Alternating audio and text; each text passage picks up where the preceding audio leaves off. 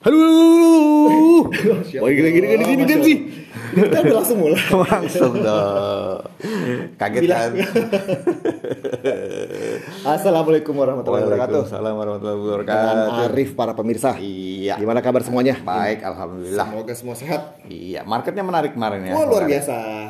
Luar Ya. biasa, luar biasa. Beberapa eh, apa yang kalau misalnya kita lihat komentar minggu lalu kan kita bilang sentimennya negatif, lagi ngetes-ngetes pivot ya, summary dari minggu lalu. Nah, which is untuk eh, IHSG yang tadinya kita masih belum tahu ya V shape atau U shape, ternyata eh, mereka reboundnya cepat. Kenapa lo terburu-buru kayaknya hari ini? Gak apa-apa Biasanya kita baca- langsung. Kita biasa menu- baca agenda dulu oh, biasanya. Iya, Gimana agendanya kan kurang lebih kita bacain eh, market minggu lalu ya. Yes. Terus kemudian eh, next week itu ada BI rate. Ada BI rate. Ya, terus kemudian ada FOMC minutes. Itu mungkin yang akan menggerakkan market minggu depan ya. Eh, terus ada eh, terkait berita Indonesia itu ada beberapa yang menarik nih. Betul. Gitu. Oke. Nanti kita bacain satu-satu. Sip, kita langsung aja ya Kita ke langsung. menu utama. Ting tung. Ya, jadi pergerakan minggu lalu tuh eh, cukup menarik ya. Kalau kita lihat U-shape, V-shape, IHSG itu eh, terlihat langsung rebound ya minggu lalu. Minggu lalu yang paling perkasa itu walaupun at the end of the apa kemarin itu pas kita gue coba perhatikan market itu memang eh, picking up-nya itu terlihat jelasnya itu pas di pertengahan minggu. Pertengahan minggu Nah, ya. karena intraday di intraday eh, intraday di awal minggu tuh masih kelihatan eh, banyak banyak turunnya juga gitu. Ya. Nah, habis itu di di GCI ini di indeks eh, di IHSG di paruh kedua minggu kemarin Hmm. itu yang gue perhatiin itu adalah itu ngehajar dia punya resistance terus Ya. dan going strong. Betul. Tapi unfortunately untuk rupiah masih dalam tekanan ya minggu lalu. Eh 14.600 pelan-pelan pertengahan minggu tuh ke 14.700 Iya, ya. sempat tuh. Bahkan sempat tembus 14.700 sebelum kemudian ada berita bagus lah ya yang Hmm. membuat eh, rupiah menguat. Which is itu adalah pencabutan larangan minyak goreng CPO dalam bentuk jadi maupun minyak mentah apa eh, barang mentahnya ya. Jadi sekarang kita udah boleh ekspor lagi nih. Katanya begitu. Jadi kita bisa ekspor kita punya barang. Beli seliter dua liter aja di Indomaret belagu. kita ekspor. Iya, Iya, betul. Jadi eh, pergerakan rupiah itu dibantu ya eh, pada di akhir minggu ya hari Jumat itu yang tadinya udah di 14.700 lewat, akhirnya dengan berita tersebut eh, rupiah sudah berada di bawah 14.700 lagi. Ya. Gitu. Walaupun sebenarnya pada awal-awal minggu itu ada cerita tentang trade balance. Ya Ya. rupiah ya eh, ya, Indonesia. Indonesia, Indonesia tuh eh, neraca perdagangan. neraca perdagangannya itu sangat bagus. 7,5 miliar surplus. Iya, betul. di Padahal- tengah pelarangan ekspor. Betul. Tapi mungkin belum ke reflect banget kali Dim ya? Ya, tapi karena memang import kita, eh terutama kita dibantu sama ekspor komoditas, Ekspor, betul. Ekspor komoditas kita lain dan lah ya.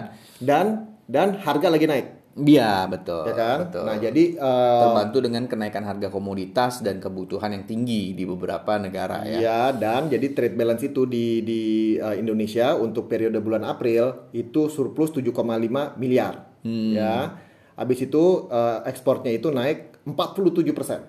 Uh, Importnya juga naik 21 persen. Walaupun kalau secara apa namanya uh, Net-net. net-netnya ya jadinya uh, memang Surplus. surplus. Iya. Nah itu jadi apa namanya? Tapi ini poin gua tadi mau ngomongin ini itu sebenarnya adalah di saat ini diumumkan rupiah nggak ke mana-mana. Iya, Ya. iya betul. Jadi at, waktu itu diumumkan ya memang apa namanya sentimen untuk rupiahnya tidak terbantu oleh data-data tersebut. Ya, betul betul. Karena memang yaitu eh, banyak tekanan terhadap eh, rupiah ya, terutama dengan penguatan dolar yang sebenarnya agak lagging ya, di mana eh, dolar itu kan sebenarnya sudah menguat dari eh, beberapa minggu yang lalu gitu ya. Cuman impactnya eh, berasa di Indonesia itu terutama ketika adanya pelarangan ekspor. Oh iya iya itu ya. Uh, baru itu mulai-mulai rupiah pelan-pelan uh, melemah-melemah gitu kan sampai ya tadi ceritanya dari 14.700 akhirnya dicabut larangannya balik lagi 14.000 di bawah 14.700 walaupun masih di 14.600-an Ya. ya Jadi waktu lagi seru-serunya liatin market, yang gue lihat itu tiga. Di screen yang intraday itu yang gue lihat itu adalah uh, saham IHSG, yang kedua US rupiah, terus yang ketiga yang gue lihat uh, satu lagi apa nih? Obligasi, hmm. yield obligasi. Hmm. Nah menarik juga yield obligasi ini pelan-pelan, pelan-pelan memang sudah terlihat ada. Oh kan itu udah sempat di tujuh berapa tuh yang kemarin? Tujuh poin tujuh tiga ya betul. Yeah. Di tujuh poin apa di tujuh poin tiga itu udah sempat kena. Uh, di tujuh poin tiga itu sebenarnya gue ngelihatnya resistance. Iya. Yeah. Ya kan? Betul. Nah jadi apa namanya di di uh, obligasi ini kalau kita lihat di awal minggu itu dibukanya dibukanya itu 7,4 hmm, dibukanya tutup-tutup 7,2 hmm, ya uh, walaupun kita lihat terakhir itu sempat 7,4 nih hmm. high-high-nya intraday yeah. Yeah. nah jadi uh, apa namanya ini yang ini yang mesti kita perhatikan karena gue belum lihat 7,3 ini adalah sebagai yield support Ya. Ya, jadi kalau gue perhatikan uh, 7,3 ini peluang ke bawah lagi masih ada apa enggak? Masih. Ke 71 gitu. 71 gitu. Hmm. 71 gue masih belum berani bilang 7 karena menurut gue ya. 7 udah uh, range-nya antara di atas 7 sampai 7,3 ya, betul. kurang lebih. Jadi kalau kalau liatin si 7% ini menurut gue uh, psychological support hmm, hmm. ngomongnya. Harus ada sesuatu yang oh, besar uh, supaya dia bisa break di bawah tujuh. Yes, nah apakah itu cerita dari Rusia, apakah hmm. itu cerita dari oh Fed meeting. Yeah, nah, ini, ini jadi kalau lihat minggu depan tadi seperti yang Bung Dimas cerita itu adalah ini yang harus diperhatikan terkait dengan uh, frankly speaking kalau di di di uh, bonds ini teman-teman retail juga ada banyak eh udah sangat gede gitu. Jadi uh, investor-investor juga portfolio di bondsnya juga cukup lumayan besar. Wis luar biasa. Jadi memang uh, minggu lalu kan kita bilang uh, semuanya itu lagi ngetes level-level resistance. Hmm, level, nah, level pivot. Ya, hmm. pivot point ya, which is kalau untuk rupiah ternyata break ya, walaupun balik lagi hmm. akibat dari uh, pelarangan pencabutan pelarangan ekspor hmm. ya. Tapi di satu sisi IHSG itu uh, terlihat berarti di uh, level support kemarin itu cukup kuat. Iya loh. Karena setelah itu uh, IHSG dalam seminggu ini rebound ke 5.03 persen. Tadinya kan turun sekitar hampir 8 persen kan ya minggu sebelumnya ya. Dan minggu lalu itu uh, IHSG berhasil rebound 5.03 persen, hmm. uh, mendekati level 7.000 lagi. Ya jadi sekitar 6.900an. Nah ini uh, mengindikasikan sepertinya IHSG uh, mungkin turun juga uh, belum ya. Maksudnya uh, berarti level support sebelumnya itu cukup kuat hmm. karena dia berhasil rebound ya. Nah tapi uh, mungkin langsung kita bahas berita. Beritanya sebenarnya nggak banyak ya minggu lalu ya. Cuman Apa marketnya agak rebound aja akibat beberapa uh, berita Rus sudah mulai tenang. Rusia Ukraine belum ada yang seru lagi soalnya kayaknya yang menarik Rusia Ukraine adalah bahwa uh, Uni Eropa akhirnya menyerah.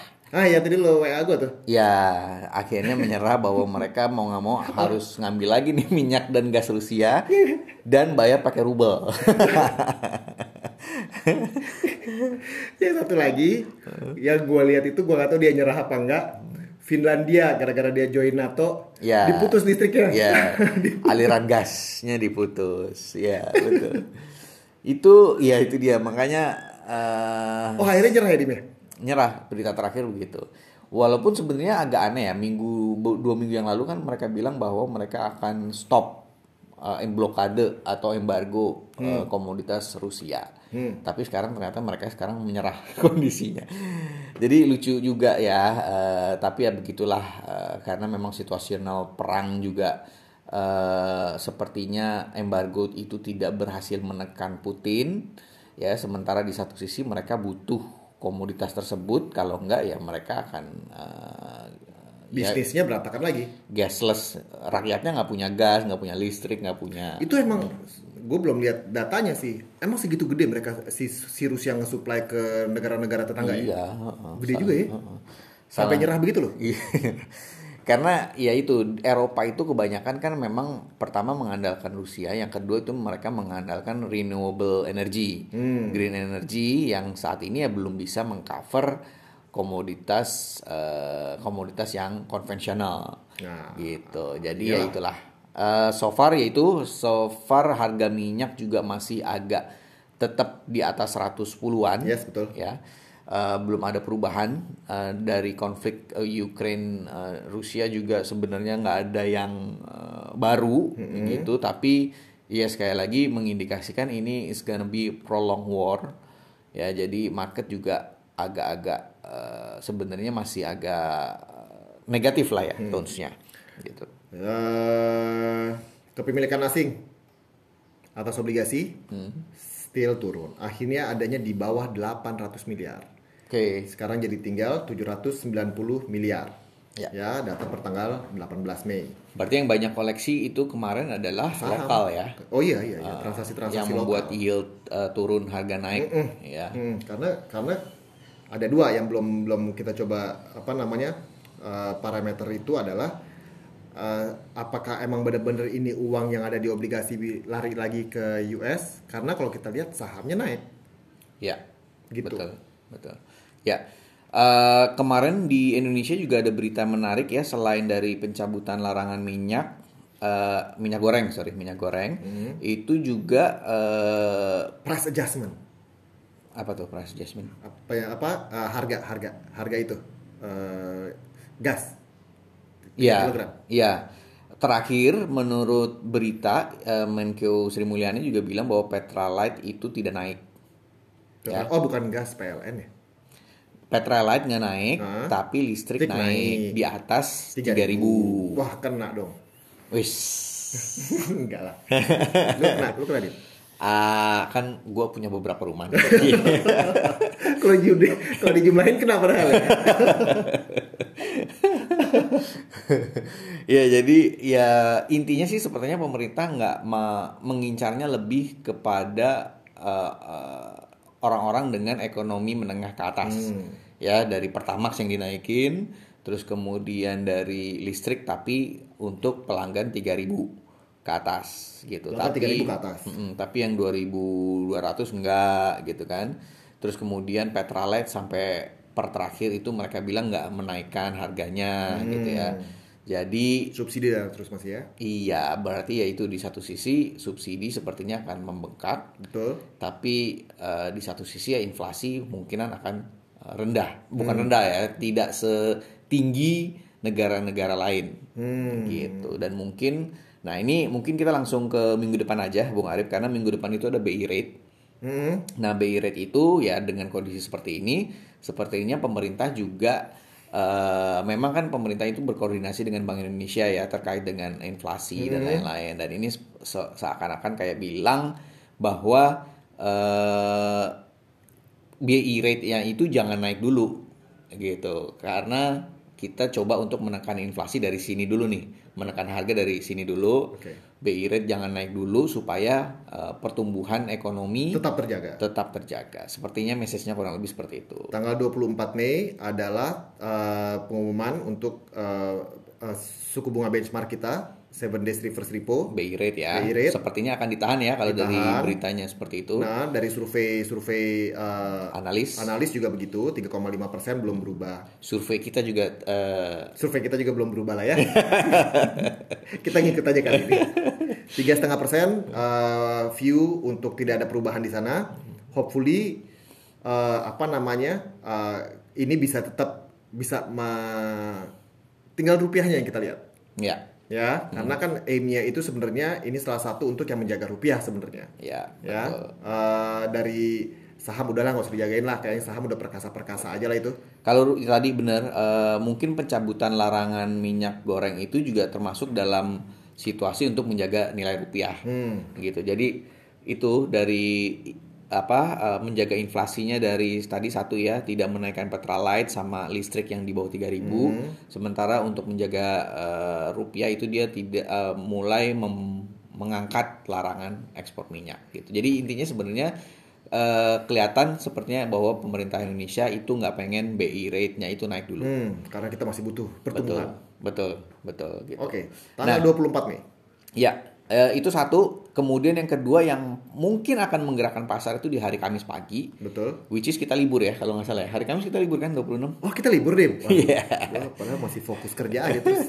yes tanggal 26 kita libur. Hari Tapi Kamis. di Kamis dini harinya itu ada FMC Minutes. Hmm. Nah berarti marketnya mungkin akan lumayan bergerak tapi kita libur. Jadi ya Kita manyun. kita akan positioningnya di hari Rabu atau di hari Jumat. Jumat seru dong berarti. Tapi Iya. hari kejepit. Iya. Pemain banyak yang cuti. Yes. Ya kan kan hari- sekarang aplikasi semua. Hmm. gitu. Tapi yang menarik juga selain itu adalah estimasi dari GDP US. Apa yang terjadi? Eh, ah, diperkirakan GDP-nya akan negatif. 1,3. Betul, gitu. Jadi ya ini akan eh, apa ya? Mungkin akan membuat market juga agak eh, turun karena ya tadi lagi concernnya kan adalah growth dan inflasi. Sekarang kalau inflasinya tinggi, growth-nya rendah, berarti balik lagi kata-kata yang menyeramkan itu stagflasi. Gitu. Resesi dulu lah. Ya, resesi itu yang Karena- paling ditakutkan juga. Eh, kemudian kondisi ekonomi yang stagflasi, di mana inflasinya tinggi, eh, pertumbuhannya nggak ke mana-mana. Kalau Bahkan misalnya minus. ternyata tebakannya analis ini benar, itu 1, mana tadi itu? minus gua? 1,3. minus 1,3 sebelumnya itu adalah minus koma satu minus 1,4 bentar jangan sampai gua salah kok hilang sih lu ngomong dulu deh gua cari dulu data 1,4 ya. 1,4 nah Oke. inilah nah tapi kalau melihat data yang seperti ini eh, GDP-nya pun walaupun minus tapi sudah mengarah ke atas Udah mulai membaik Udah ya. mulai membaik. Betul. Nah, kalau ini terus-terusan kayak gini ya, eh, ke ketakutan akan resesi itu sudah mulai memudar. Betul. Ya. Mungkin seperti itu, betul. Hmm, Tapi ya again, uh, too soon to tell, maybe. Yang kita lihat uh, adalah saat, setelah pengumuman si FOMC ini, komennya apa aja, uh, market dulu yang geraknya kan. Betul. Biasa kita lihat marketnya dulu. Lalu uh, GDP-nya ini uh, semoga tidak mencapai resesi yang Betul. berkepanjangan. Kayaknya sih nggak berkepanjangan sih, Dim. Ya, kalau misalnya dilihat dari Dow Jones itu kemarin juga masih mengalami penurunan ya. Dow Jones saham-saham Amerika itu masih mengalami penurunan. Eh, itu juga disebabkan karena eh, Feds-nya yang bilang bahwa mereka akan terus eh, melakukan pengetatan, which is naikin eh, bunga apabila sampai eh sampai dengan inflasi terkendali Hmm. gitu. Jadi ya itu mungkin ya agak sedikit membuat market uh, di US takut juga gitu kan antara resesi, inflasi tinggi dan uh, pertumbuhan yang rendah sehingga uh, saham-saham mereka juga turun. Turun sekitar minggu lalu dibuka di hari Senin itu 32.150-an. Ditutup di 3.000 31.250-an. Tapi ini gua nguploadnya tuh sore kemarin jam 4. Ya, Jadi mungkin belum tutup, belum, belum belum tutup. tutup, belum tutup. Ya, jadi eh, tapi untungnya IASG kita banyak yang mendengarkan kita mungkin lah. Jadi banyak yang bargain hunting Wah, luar biasa. gitu. Dan kemarin gua sendiri personally melakukan repositioning Apa yang terjadi? Eh, saham Ya. lo dong, saham kebanggaan lo apa kabar? Goto itu alhamdulillah gue nyerok, nyerok di bawah di bottom Akhirnya jadi rugi. Eh, Atau jadinya udah untung 24% Luar biasa. dan gue udah take profit Akhirnya? dan agak nyesal juga karena masih naik ternyata Oh, biasa. gitu Itu kan nggak boleh greedy dia. iya betul Disyukuri dulu. disyukuri ya betul Ah, alhamdulillah boleh gitu ya Walaupun prediksi lu salah gitu kan. nggak usah Nggak boleh greedy. gitu dong Nggak boleh nggak boleh greedy. betul gue berharap eh gue berpikir dengan kondisi market yang seperti ini market masih akan volatile Hmm. ya jadi gue pikir oh udah nih eh, udah lumayan gue ambil dulu siapa tahu turun baru gue ambil lagi Nah, ternyata tapi kayak- ternyata IHSG itu terlalu kuat Iya lo. Luar biasa sih. luar biasa ya di tengah Dow Jones yang turun dan juga rupiah yang masih melemah Betul. tapi IHSG kita masih banyak Melejit yang duluan. melakukan bargain hunting Dow Jones itu di hari Rabu. In- Penutupan pembukaan deh pembukaan penutupan. Ya, pembukaan ke penutupan turun 3%. Oke, ya, ya itu dia makanya IHSG masih eh, turun. Nah, jadi mungkin kita langsung eh, forecast aja ya ke minggu depan kira-kira seperti apa marketnya. Sebenarnya kalau misalnya dengan kondisi seperti ini, market akan cenderung range trading sampai dengan FOMC meeting. hari, ya minutes, Minutes, minutes. ya sampai dengan hari Kamis ya market akan range trading sampai dengan mungkin ada yang ngambil posisi atau malah justru eh, jual gitu kan. Jadi rupiah sepertinya nggak akan ke mana-mana dari 14.650 ya Eh, sementara mungkin dia akan mencoba menguat lah ke 14.600 tapi sepertinya Nah, nggak bisa banyak-banyak. Iya nggak bisa banyak-banyak karena masih ada tekanan dari FOMC minutes, Hmm. kemudian estimasi US GDP. Nah itu mungkin nggak jauh-jauh dari 14.650. Sementara IHSG ini juga kemungkinan akan ngetes level 7.000 sekarang. Udah mau kena kemarin ini sempat kena di 6.900-an kan. 6960-an. Ah, hampir kena. Makanya dia akan ngetes nih 7.000 minggu depan bisa atau enggak. Kemungkinan eh, juga eh, IISG nggak akan jauh-jauh dari 7.000 sampai dengan hari Kamis ya. Nah, nanti ketika hari Kamis barulah mungkin market akan bergerak tergantung dari minutes dan eh, respons dari market di US seperti apa. Eh, pasar obligasi eh, arahnya ke mana? Gua ngelihat yieldnya masih bisa turun. Hmm. Ya, masih bisa turun tapi stance kita sama. Ma- Meaning eh, belum ada hore-hore. Range trading juga lah ya trading. di 7,1 7,3 7,3. betul Gitu. 7,1 7,3 Betul. Eh, walaupun arahnya gue tetap ke mungkin akan coba menembus di bawah 7,2 dulu Hmm, Nah, dari gua- 7,3 ke 7,2. nah, nah kemarin tuh ditutup di opening di 7,3 kemarin 7.22 so untuk ngejar ke bawah 7.22 sepertinya bisa Hmm. again eh, mungkin itu dalam menyambut dalam menyambut FOMC meeting Minutes. Uh, minutes, kok gue salah mulu sih?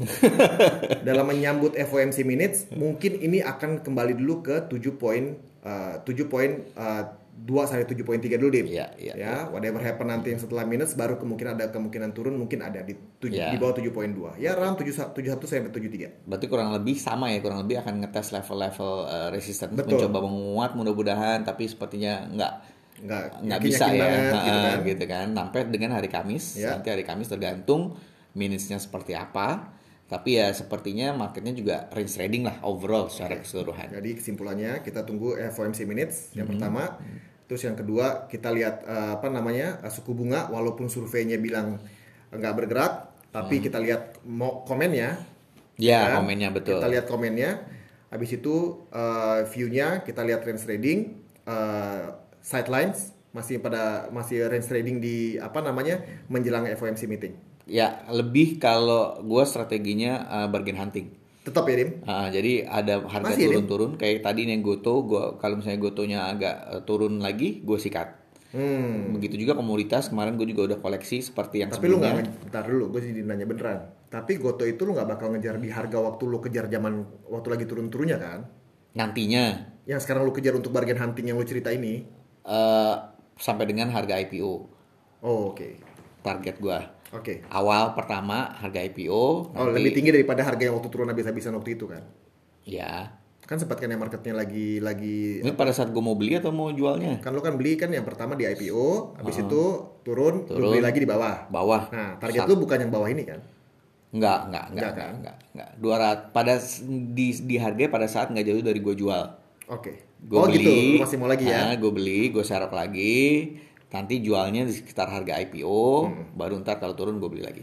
Selain teknologi Goto tadi, gue juga udah koleksi saham-saham eh, komoditas seperti yang eh, minggu lalu gue cerita juga Hmm. bahwa komoditas itu sepertinya akan menarik karena harganya nggak akan jauh-jauh dari harga sini dan saat ini kebutuhan komoditas itu masih dibutuhkan di Masih- beberapa masih negara, tinggi, masih apalagi tinggi. kalau misalnya China itu sudah mulai membuka perekonomiannya Hmm. gitu jadi komoditas itu masih eh, menarik gue bilang teknologi juga kalau misalnya ada yang turun-turun eh, sikat lagi Luar biasa. Gitu. bargain hunting udah mulai ini loh ya, udah sangat menapak sekali gitu kayaknya.